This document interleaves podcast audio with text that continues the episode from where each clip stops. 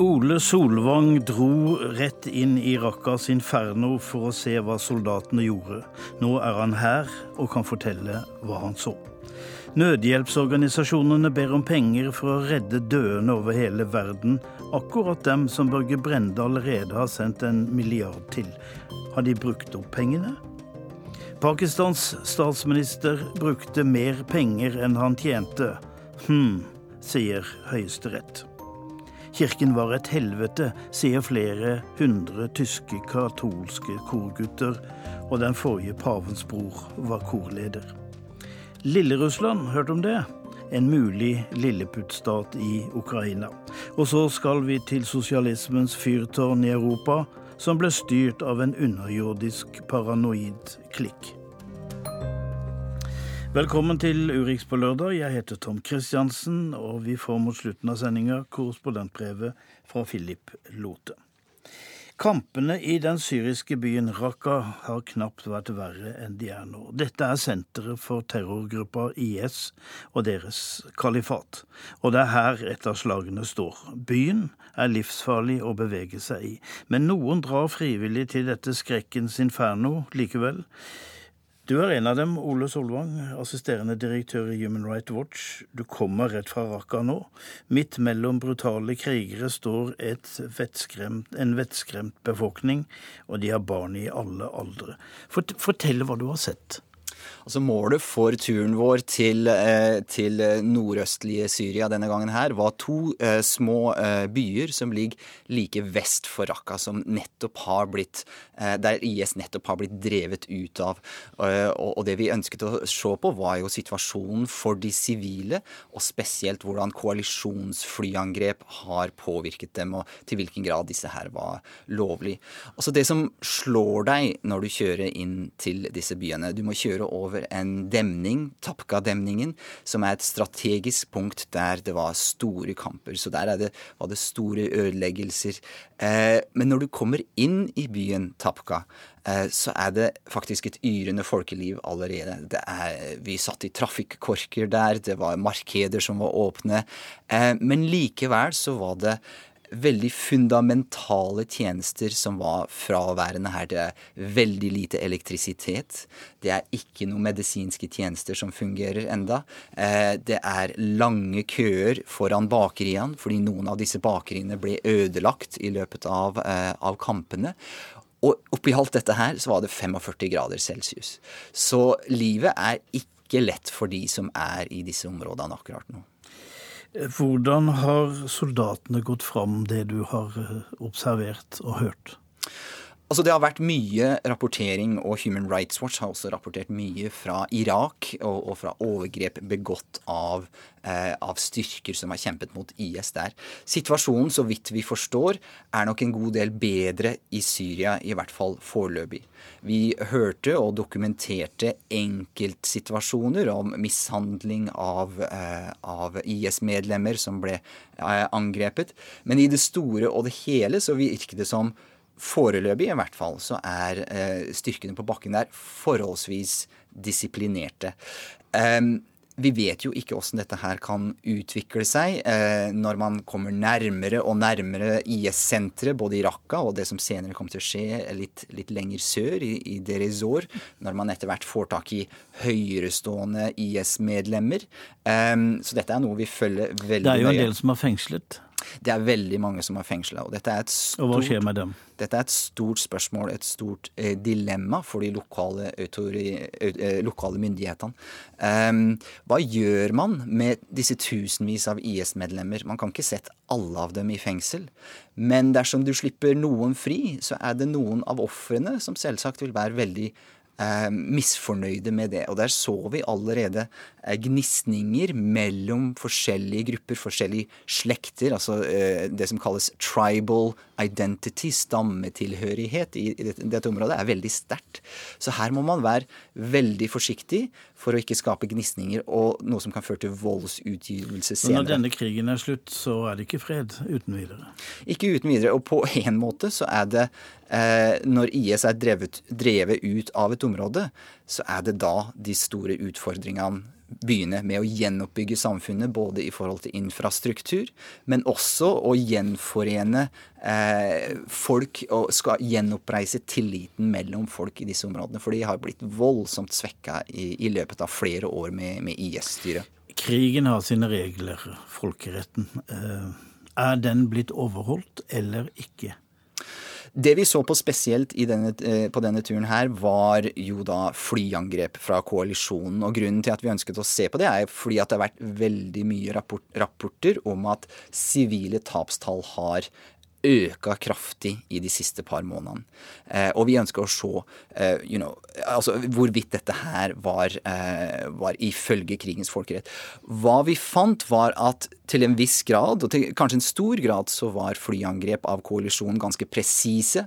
Eh, førte ofte til forholdsvis få sivile tapstall, men i enkelttilfeller så var det store tapstall, store sivile tapstall, og i enkelttilfeller så så vi at koalisjonen hadde ikke ikke gjort nok for å forsikre seg om at sivile ikke ble, ble, angrepet. For å gi et par eksempler. Det var en skole som ble, eh, som ble angrepet.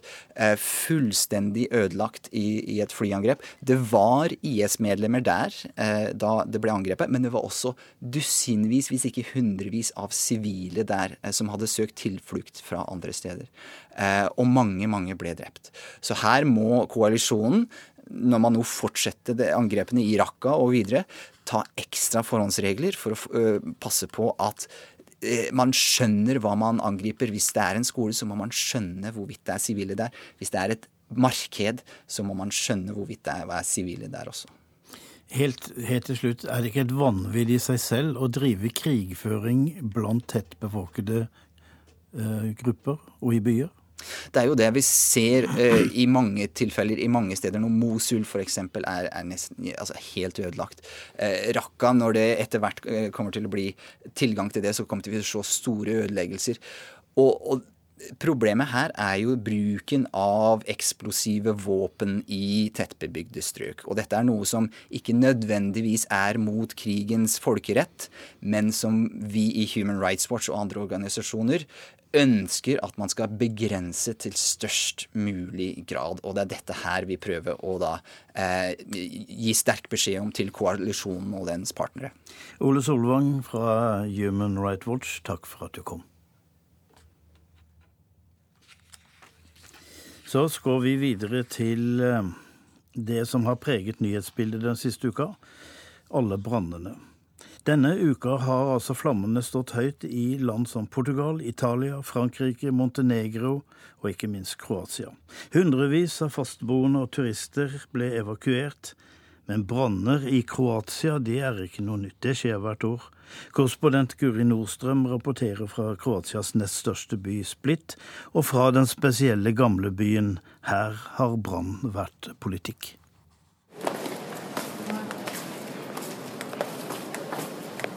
Århundrer med subbende føtter over marmorhellene har gjort gamlebyen her i Split speilglatt flere steder. Den første subberen var den romerske keiseren Diokletian, som hersket her på 200- og 300-tallet.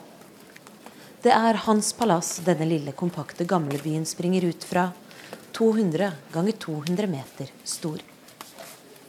Tre århundrer etter hans død flyttet nemlig folket inn i det tomme slottet.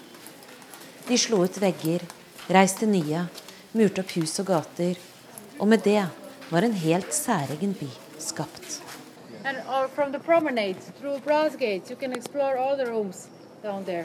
Nå er det turistene som subber lydhøre i guidede grupper blant suvenirboder i sommerheten.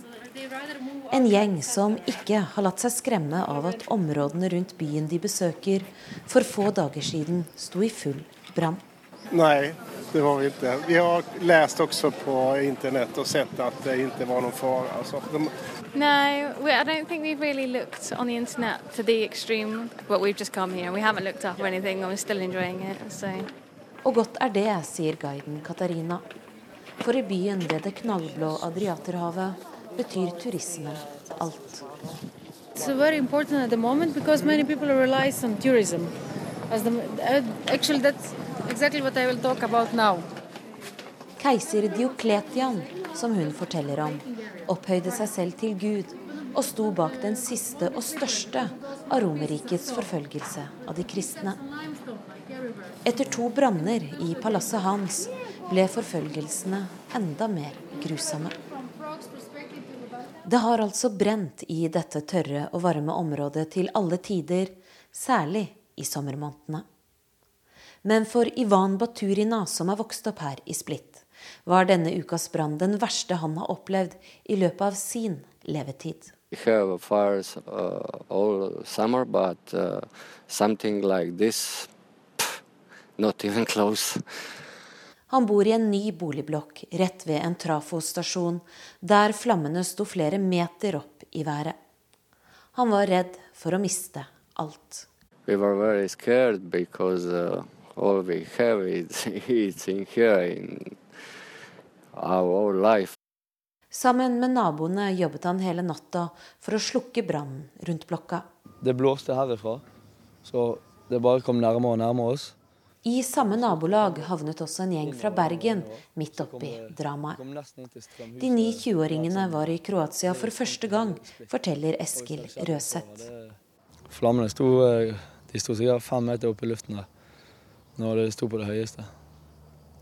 Det var ikke Ja. Det var fin, fint å se på, men eh, det var veldig skremmende samtidig. For så kom evakueringen og alvoret. Når vi måtte evakuere, så sa eieren til oss at uh, han som alltid var så rolig hele, hele kvelden, han sa plutselig at uh, nå måtte vi skynde oss litt og sette oss i biler og komme oss vekk. Og da når han sa det, så begynte vi å stresse litt sammen. Og Da måtte vi fylle opp biler og kjøre nedover mot, mot sentrum. Men eh, når vi kjørte mot sentrum, så da var jo alle sammen på samme veien.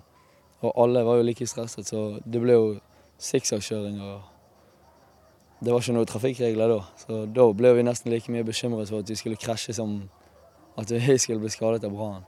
Brannene er nå slukket for denne gang. Jeg syns veldig synd på kroaterne her nede, for de er så hyggelige og snille alle sammen. Jeg føler at de ikke fortjener at uh, byen de skal brenne nesten hver sommer. Og spesielt ikke så, så stor som denne brannen her ble. Men for de fastboende har det også kommet noe godt ut av denne opplevelsen. Nemlig samholdet som oppsto mellom de frivillige brannslukkerne. Ivan Baturina sier han ikke har opplevd lignende kameratskap siden krigen. That night when uh, fire happened, uh, that was uh, bondship that, that was like in the war. For mens brannene i dette området under keiser Diokletian førte til mer grusomheter, har denne ført til det stikk motsatte, mener Baturina. The humanity, the brotherhood, the uh, human goodness uh, came out in this, uh, in this horror. It was to be or not to be.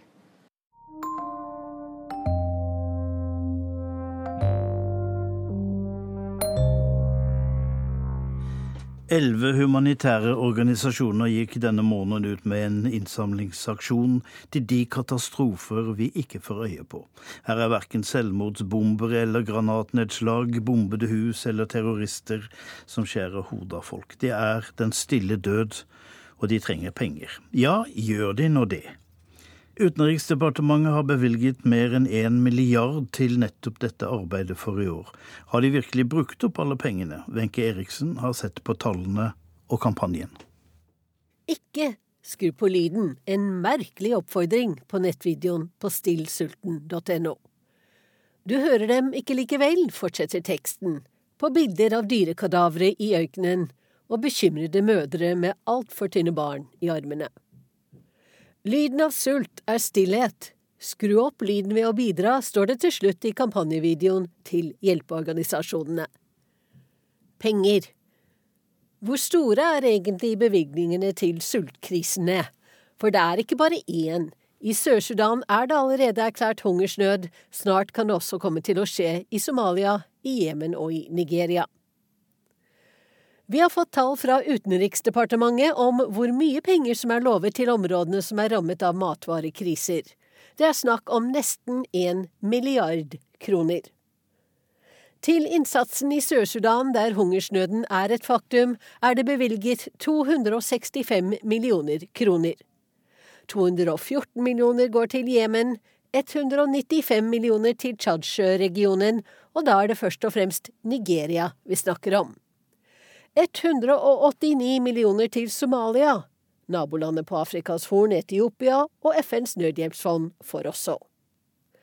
Apropos FN, av de vel 712 millioner kronene som UD har utbetalt til nå, har FN-systemet fått litt over halvparten, og frivillige organisasjoner litt under halvparten. De seks norske hjelpeorganisasjonene som får penger fra UD for å bekjempe sultkrisene, de får en kvart milliard kroner til sammen. Redd Barna er lovet 22 millioner, men har bare fått 8 millioner til nå. Har de klart å bruke dem opp? Ja, Tove Wong, generalsekretær i eh, Redd Barna. Har du brukt opp de pengene? Det var ikke mye? Ja, de 8,5 millionene fikk vi tildelt nå tidlig i juli. De skal brukes i Somalia. Og eh, oppstart på det prosjektet er nå tidlig i august. Og det er fortsettelsen av et prosjekt som allerede har pågått et år. Og det gjelder ernæring til barn på skolene, sånn at vi holder barn både på skolen og forebygger at de blir sterkt underernærte. Men til spørsmålet om det var nødvendig, man sitter ikke stille når man vet at barn sulter. 20 millioner mennesker mangler mat. Det er fire ganger Norges befolkning. Eh, det er, og Aldri tror jeg det internasjonale samfunnet har vært så på etterskudd med akutte hjelpebehov som akkurat nå. En milliard kroner fra Utenriksdepartementet. En milliard er jo mye penger, ja, eh, men det utgjør 2-3 eh, av det totale behovet som er estimert av FNs nødhjelpsorganisasjon. Det er fem milliarder amerikanske dollar, har de sagt er det akutte behov, og 1 milliard norske kroner Sånn ca. 2-3% av det er det norske utenriksdepartementet som har bevilget. Ja, men kan du skjønne at det virker litt pussig når man ser på disse tallene, så har 300-400 eh, millioner i år gått fra UD til de frivillige organisasjonene, og så er de pengene brukt opp? Altså, siden altså det, dere ber om mer? Det er ikke sånn at alle pengene brukes umiddelbart. Noen går til prosjekter som er planlagt over flere måneder, og det er smart bruk av penger. Selvfølgelig er det viktig å være tidlig ute. Dette er ja, ikke sant? Det kan, er viktig å være tidlig ute, for det kan være livreddende. Men av og til er det også viktig å koordinere seg godt med andre, eller alltid er det viktig å koordinere seg godt med andre, og sørge for at pengene blir godt brukt. De 8,5 millionene brukes etter planen, sånn som vi har fått den godkjent av Utenriksdepartementet. Um, og så er det jo sånn at mange av de organisasjonene som var del av denne kampanjen, Still sulten, eh, er del av store internasjonale organisasjoner med omfattende kapasitet. Det er ikke bare den norske avdelingen av organisasjonen som skal gjennomføre arbeidet ute. Vi er del av Internasjonale Redd Barna, en stor organisasjon. Vi er til stede i alle de landene som er rammet av denne katastrofen.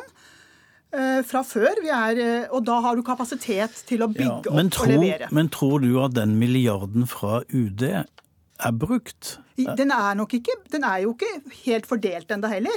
Altså, Den er jo ikke helt utbetalt enda. 70% er utbetalt. Så det, ja, så noe av det vil være ak brukt akutt og løpende, og noe av det vil hvor, være planlagt. Ja, hvor, men hvor er da pengene? Pengene står på bok i påvente av at gode prosjekter skal gjennomføres. Redd, eh, jeg vet ikke hvor mye du har på bok, men Røde Kors har tre milliarder på bok. Røde Kors har en, uforuts, altså en, utfor, en ja, stor reserve som det er vanskelig å forsvare for andre. Vi har ikke den samme reserven. Eh, vi har også brukt av våre egne driftsmidler, forskuttert egne driftsmidler, for å komme tidlig i gang f.eks. i Somalia, i påvente av penger fra Utenriksdepartementet. Eh, FN sier at eh, denne gang er det 20, 20 millioner mennesker som står i fare for å dø. For to år siden sa du, eller din organisasjon, at 10 millioner sto i fare for å dø i Etiopia. Og det gjorde de ikke. Eh, så jeg bare lurer på, Har du regnskap over hvor mange dere har berga av disse 20 millionene som nå er eh, i fare? Altså For det første så kan jeg helt konkret si at siden 1.2 i år så har vi nådd fram til 250 000 barn som har akutte behov i Somalia. Når du refererer til Etiopia, så er det riktig at en hungersnød ble avverget i Etiopia fordi vi sa ifra tidlig og tydelig, og fordi etiopiske myndigheter tok grep. Men med hjelp av internasjonale organisasjoner. Så da avverget man den situasjonen. Jeg vil jo heller være i en situasjon hvor jeg blir tatt for å si ifra en gang for mye enn en gang for lite.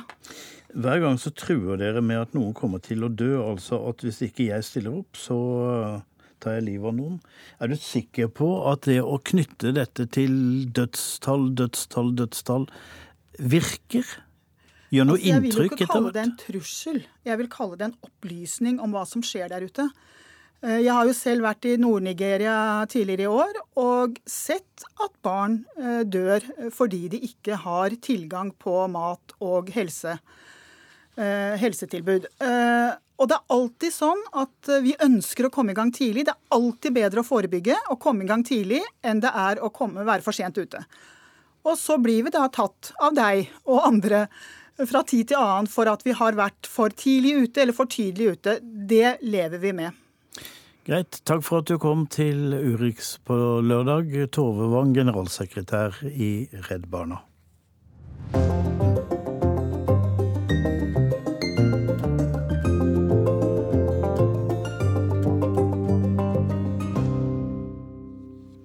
En korrupsjonsskandale har kastet Pakistan inn i politisk krise ett år før Nawaz Sharif kan sette en rekord. Han er den, han er den eneste pakistanske statsminister som har sittet en full femårsperiode. Men denne uken startet en høring i eh, Høyesterett som han gjerne skulle vært foruten. Det er en pikant sak med ingredienser som eksklusive London-leiligheter, Panama-dokumentene og skriftstypen Kalibri. Kombinasjonen av alt dette kan komme til å felle ham, forteller Gunhild Årdal i denne reportasjen.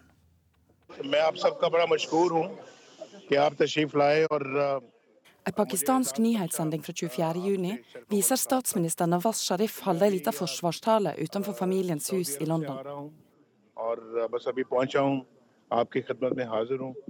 Og nettopp dette huset i fasjonable Park Lane er litt av kjelda til det han prøver å forsvare seg mot.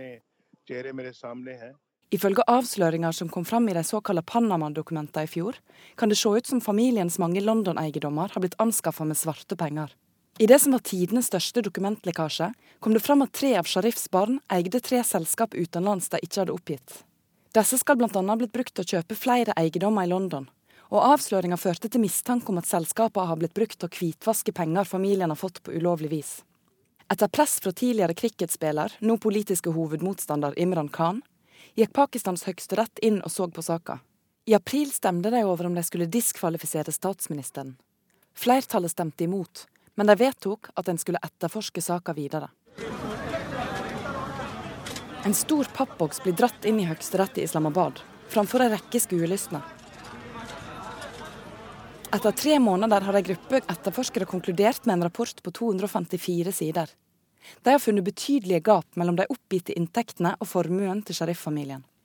Rapporten kan bli spesielt ødeleggende for dattera Mariam, som blir sett på som statsministerens politiske arving. Hun skal ha prøvd å reinvaske navnet sitt ved å legge fram et dokument som sier at hun ikke eier de omtalte London-eiendommene, og at hun bare var en forvalter. Dokumentet er datert 2006 og er skrevet med skrifttypen Kalibri. Problemet er bare at denne skrifttypen ikke ble lansert før i 2007, noe som gjør at etterforskninga har konkludert med at dokumentet må være falskt. I sosiale medium blir saka nå omtalt som Fontgate. Tilhengere av Sharif-familien skal ha argumentert for at fonten faktisk var tilgjengelig i en tidlig versjon av Windows Vista i 2004, og etter hyppig redigering av Kalibris Wikipedia-side er den nå låst for redigering til redigeringskrangelen er løst, som det står. Men uansett om fonten altså var tilgjengelig, hvorfor ville noen ha brukt en helt ukjent font i et offisielt dokument i 2006, sier mannen bak skrifttypen, Lucas de Groot, til den pakistanske avisa Dawn.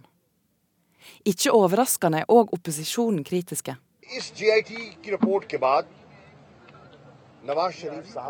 Etter denne rapporten har Nawaz Sharif mist all moralsk, juridisk og politisk rett til å ha dette embetet. Han av umiddelbart, sa Shamem Mokereshi fra Khans parti PTI da rapporten ble lagt fram forrige uke. Khan sjøl, som har kjempa mot statsministeren siden han tapte valget i 2013, har varsla protester dersom ikke retten ber Sharif trekke seg. Sharif-familien hevder pengene som er brukt til å kjøpe London-eiendommene, kommer fra et stålverk de driver i Qatar. Men etterforskninga har så langt ikke klart å spore pengene tilbake dit.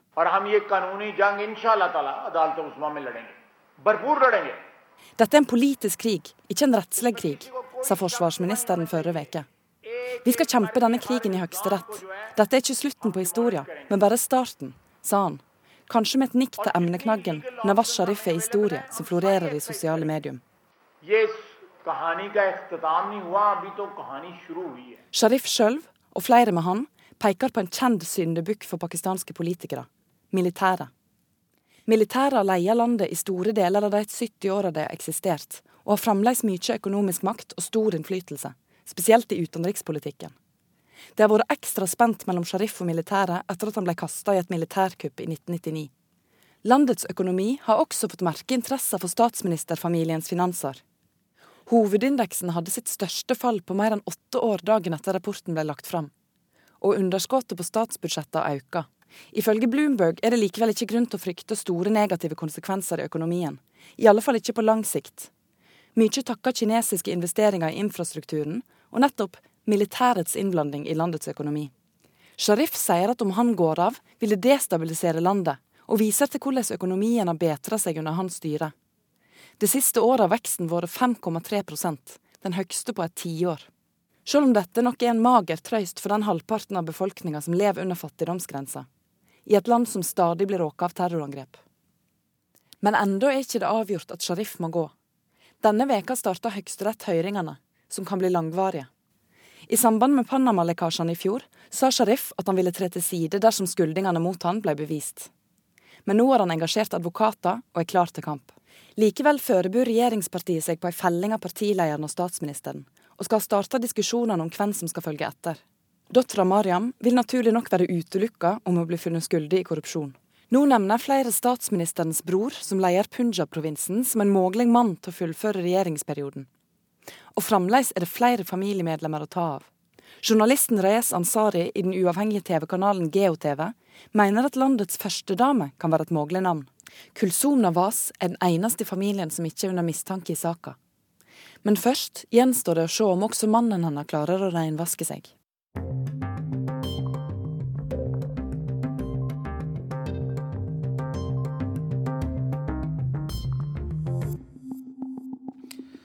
Du har kanskje ikke hørt om Lille Russland? For her kommer siste nytt fra de prorussiske separatistene i Donetsk i Ukraina.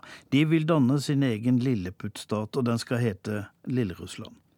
Proklamasjonen skjer samtidig som krigen tar seg opp igjen. Denne uka meldte det ukrainske forsvaret at ni soldater var blitt drept. Vår korrespondent Morten Jentoft har laget denne reportasjen fra det som kan bli Lille-Russland. Мы представители регионов бывшей Украины предлагаем переучредить государство и на месте бывшей Украины, опираясь на исторические предпосылки, учредить государство Малороссия. Han satt der i sin grønne militæruniform omgitt av menn i samme kledning. Aleksandr Sakarchenko har i snart tre år vært leder og president i Folkerepublikken Danetsk, det ene av to områder øst i Ukraina som i praksis er utenfor kontroll av den ukrainske regjeringen i Kiev. Vi representerer mange regioner i Ukraina, og vi tilbyr oss på grunnlag av historiske erfaringer å opprette landet Lille Russland, i stedet for et Ukraina som i praksis har vist seg ikke å være en levedyktig stat, sa Sakarchenko, vel vitende om at dette så langt bare er en deklarasjon ment for å provosere fram en reaksjon fra omverdenen. You should understand that the Sakharchenko and Plotnitsky Reaksjonen fra den ukrainske presidenten Petro Porosjenko lot heller ikke vente på seg lenge. Under sitt besøk i Georgia slo han raskt fast at Sakartsjenko ikke er en politisk leder, men en dukke styrt fra den russiske hovedstaden Moskva. Fullt så enkelt er det nok likevel kanskje ikke. Proklasjonen om lille Russland, Malo Razia, har ikke blitt mottatt med stor entusiasme i Russland, som offisielt fortsatt mener at fred i Ukraina bare kan skje gjennom den såkalte Minsk-prosessen, fredsavtalen fra februar 2015, som legger til grunn at de to folkerepublikkene styrt av prorussiske separatister, Danetsk og Luhansk, skal være en integrert del av Ukraina. Et ukrainsk Mi-8-helikopter går inn for landing ikke langt fra den nesten 500 km lange frontlinjen mellom de prorussiske separatistene og de ukrainske regjeringsstyrkene. Noen soldater med bandasjer kryper om bord. Nå skal vi frakte dem til Dnipro, der de skal få behandling på sykehuset, forteller sanitetsoffiseren som hjelper dem om bord. Bildene og lyden er lagt ut på det ukrainske forsvarets Facebook-sider. For bare timer etter at Aleksandr Sakatsjenko hadde proklamert lille Russland-staten, så begynte kanonene å buldre langs frontlinjen. Torsdag denne uken ble den blodigste dagen på mange måneder i den mer enn tre år lange konflikten i Ukraina. Seks ukrainske soldater ble drept i kampene, mens tre andre mistet livet da de kjørte på en mine.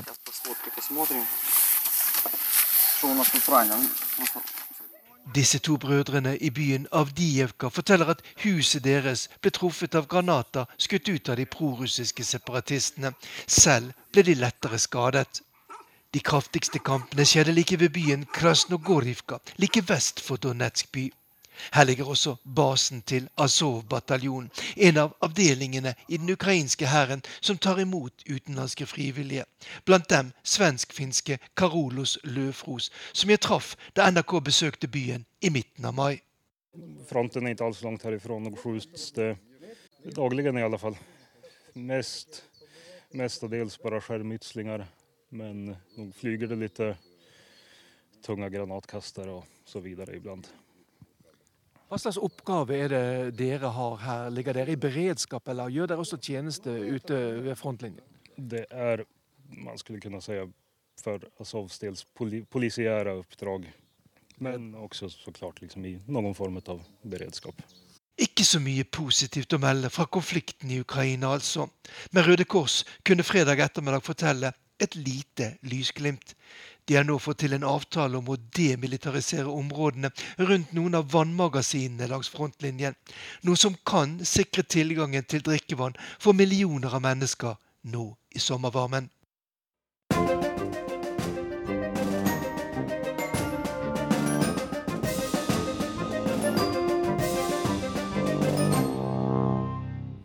Så til det internasjonale katolske liv, snarere underliv. For det var et helvete, sier korguttene fra Tyskland. 547 av dem ble mishandlet av katolske ledere i årevis. En rapport kom denne uka, og den er som en kriminaljournal. Arnt Stefansen har dukket ned i denne tyske katolske kirkes forferdeligheter.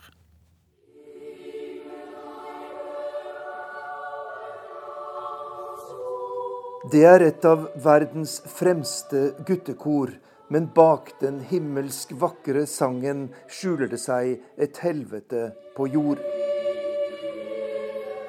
Regensburger Domspatzen har en mer enn 1000 år lang historie, og for bayerske familier har det vært en stor ære å ha en sønn som medlem av koret. Men denne uken ble det lagt frem en rapport som kaster dype skygger over det berømte koret som drives av domkirken og et kloster i Regensburg. Rapporten er laget av advokaten Ulrich Weber og er rystende lesning.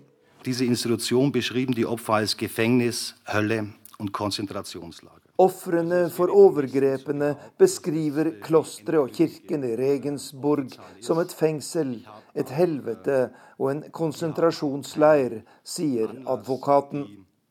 Han har studert påstander om overgrep i perioden 1945 til 1992, og skriver i rapporten at minst 547 korgutter er blitt mishandlet. I 67 tilfeller dreier det seg om seksuelt misbruk.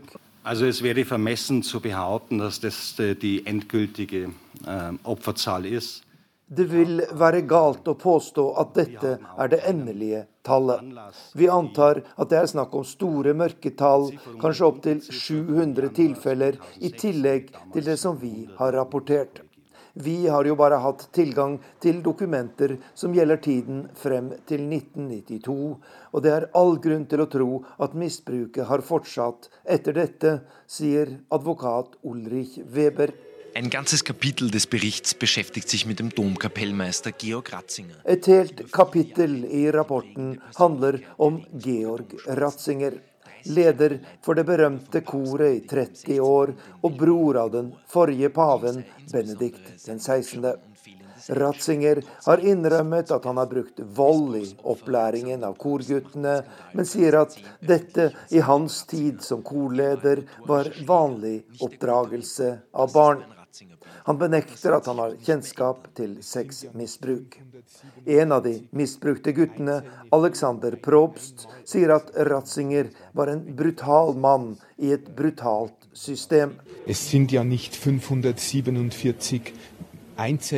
Det er jo ikke snakk om 547 enkelttilfeller der hver av oss ble mishandlet bare én gang.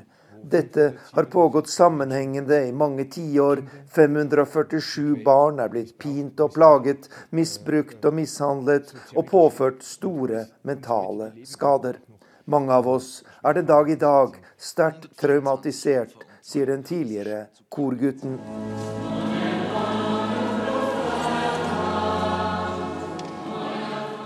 Skandalen i sørtyske Bayern gjenåpner det mørkeste kapittel i den katolske kirkens nyere historie. Helt siden de første avsløringene av seksuelt misbruk i kirken kom på 1980-tallet, har en rekke slike saker sjokkert verden. De største skandalene har vært i USA, Irland og Australia, men det har også vært store avsløringer i Belgia, Tyskland, Spania og Italia. De tre siste pavene har hatt kampen mot sexmisbruk av barn øverst på sin dagsorden. Jeg fylles fortsatt med skam over at personer som har hatt myndighet over små forsvarsløse barn, har utført slike avskyelige handlinger, sier pave Frans i en tale til foreldre av barn som er blitt misbrukt i kirken. Gud gråter over det han ser, og jeg kan forsikre dere om at vi nå har den strengeste kontroll med at slike overgrep ikke forekommer, sier paven.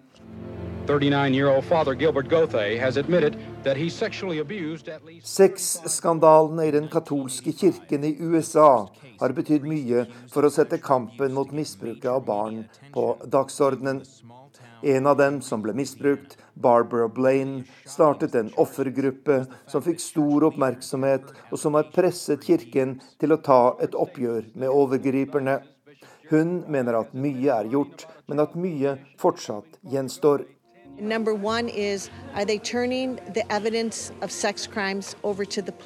Det viktigste er at kirken gir bevisene for seksualforbrytelser til politiet. Bare slik kan man effektivt bekjempe denne virksomheten. Det andre er at det ikke er nok å straffe overgriperne, man må også straffe dem som beskytter dem, altså biskoper og andre høye geistlige. På disse områdene har Kirken fortsatt en jobb å gjøre, sier Barbara Blaine.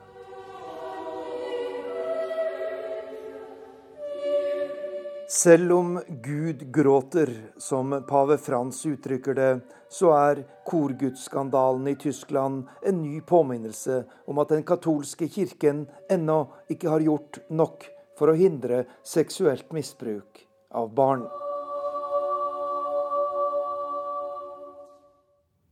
Vi skal til det som marxist-leninistene her i landet på 80-tallet kalte sosialismens fyrtårn Albania.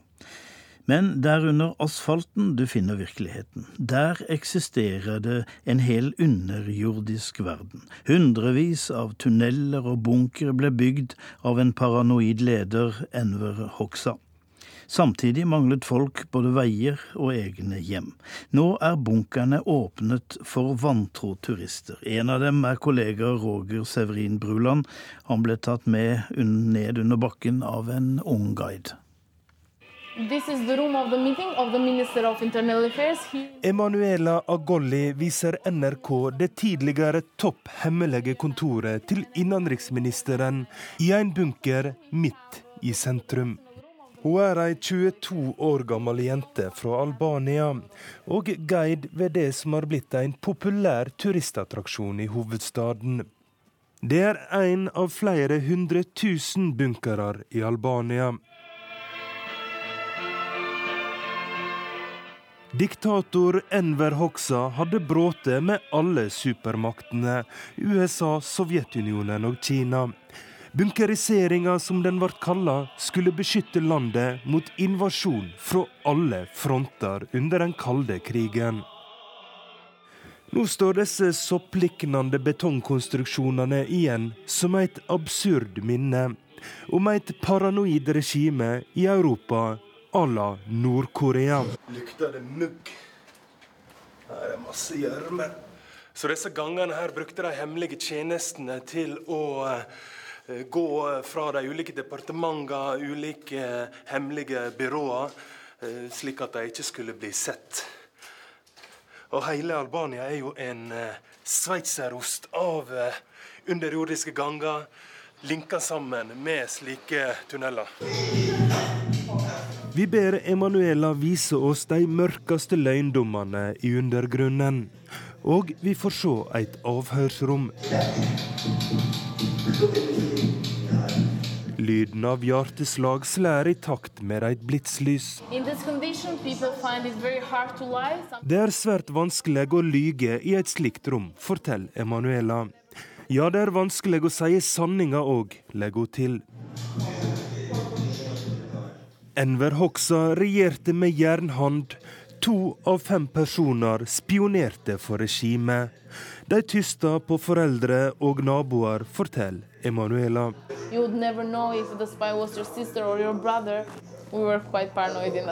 Vi vandrer inn i pauserommet til torturistene. Ja, de trenger også en pust i bakken. Og jeg spør Emanuela om hvordan historia har prega Albania etter at demokratiet kom på 90-tallet. older than me, so all the time I'm for the democracy and he's still for the regime because there were some Jeg og far min krangler hele tida om hva som er best. Han savner kommunismen, for det var noe godt ved den også. Medan jeg liker best demokrati, forteller hun. Well, to worry about.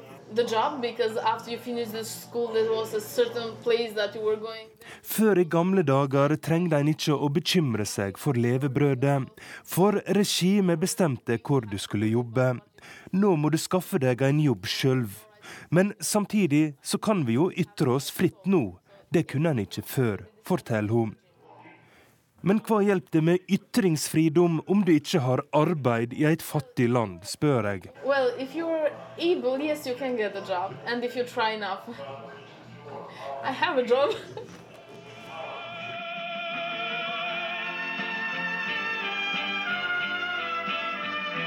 Vi vandrer gjennom den møblerte bunkeren, der toppfolka skulle søke dekning i tilfelle tredje verdenskrig.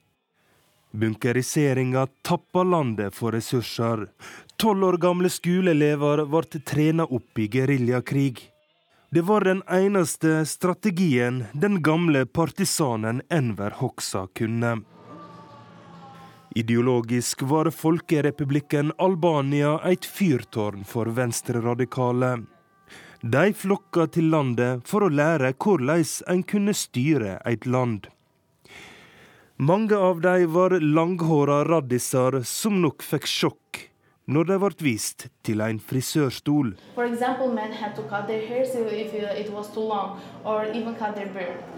Ved hver grense sto frisører parat for å passe på at ingen hadde upassende hårsveis, forteller Emanuela. So what happened if they refused to cut their hair? They were sent back, of course. Did that happen? Yeah, many times. Som vedgår hun er glad for at hun slipper å leve i et slikt samfunn.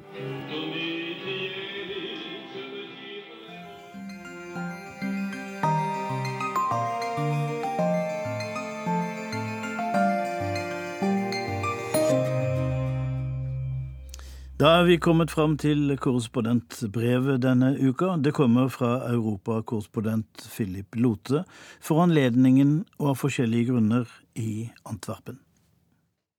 Dette brevet er skrevet litt ufrivillig etter brått å ha blitt vekket fra sommerdvalen.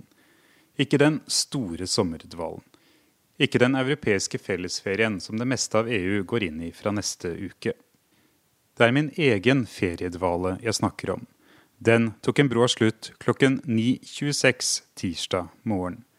Da ringte Tom Christiansen, mannen som nettopp har ledet deg gjennom snaue 50 minutter med god utenriksradio. Han ga meg to konstruktive alternativ.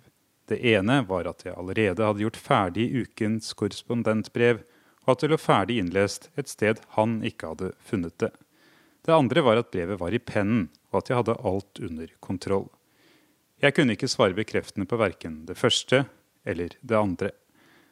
Det tar litt tid å våkne fra ens egen avkoblede sommertilværelse, så lytterne får bære over med at dette brevet mest er en samling løse tanker. Ikke visste jeg helt hvor jeg skulle begynne, og da kan det bli så som så med slutten. I en tilstand mellom ferie og flytting kom ideen til de første setningene under montering av et 2,36 meter høyt skap fra en ikke ukjent svensk global møbelprodusent. Kladden til det første avsnittet ble gjort på den gråbrune pappemballasjen til det samme skapet. Om det hele blir litt flatt, er det full klagerett, men vær snill og vent til etter ferien. I løpet av de neste minuttene vil jeg forsøke å legge frem få konkrete opplysninger. Faktasjekking og anklager om falske nyheter er i vinden, men kan også være en tidstyv og jeg vil raskest mulig tilbake til mine ikke ferdig monterte skap. Derfor gjelder det å styre unna alt som kan ende i lange mailvekslinger eller en diskusjon om hva som er riktig og galt, om hvordan alt egentlig henger sammen. Jeg skal likevel presentere noen størrelser, altså noen tall. Det første er 1357 km. Det andre er 4613 km. Det siste er 12 ganger 16,5 cm. Privat er det ett stort prosjekt som har opptatt meg i sommer. Å få familien i hus, eller rettere sagt ut av huset i Oslo og inn i hus i Antwerpen. Den 11. juli på kvelden hamrer hjulene fra den tunge lastebilen over brostenene i den gamle gaten. Ut av lastebilen steg Aurimas Matukas og Linas Serniauskas. Det er kun fire dager siden vi så dem sist. Og det er ikke helt feil å si at få mennesker har vært mer avgjørende for oss denne sommeren enn disse to mennene på rundt 30 år fra Litauen. Om vi skal klare å komme på plass, om vi i det hele tatt skal rekke å ha noen ekte ferie, avhenger av at Aurimas og Linas klarer å holde sitt stramme tidsskjema. Sommer er flyttetid og dermed jobbtid for disse to gutta. Vi så dem pakke ned og bære ut hjemmet vårt i Norge nå skal de laste 50 kubikkmeter kasser og møbler inn i det høye, smale og gamle rekkehuset som skal være vårt hjem de neste årene. Vi har valgt Belgias nest største by, Antwerpen, fremfor Brussel. Gaten vi bor i, ligger rett ved den ene av jernbanestasjonene, med gode og raske forbindelser både til NRK sitt Brussel-kontors faktiske kontor i Brussel og til flyplassen. Jeg håper å kunne fortelle mer om Antwerpen, eller Der Stat, som byens innbyggere sier, i senere brev.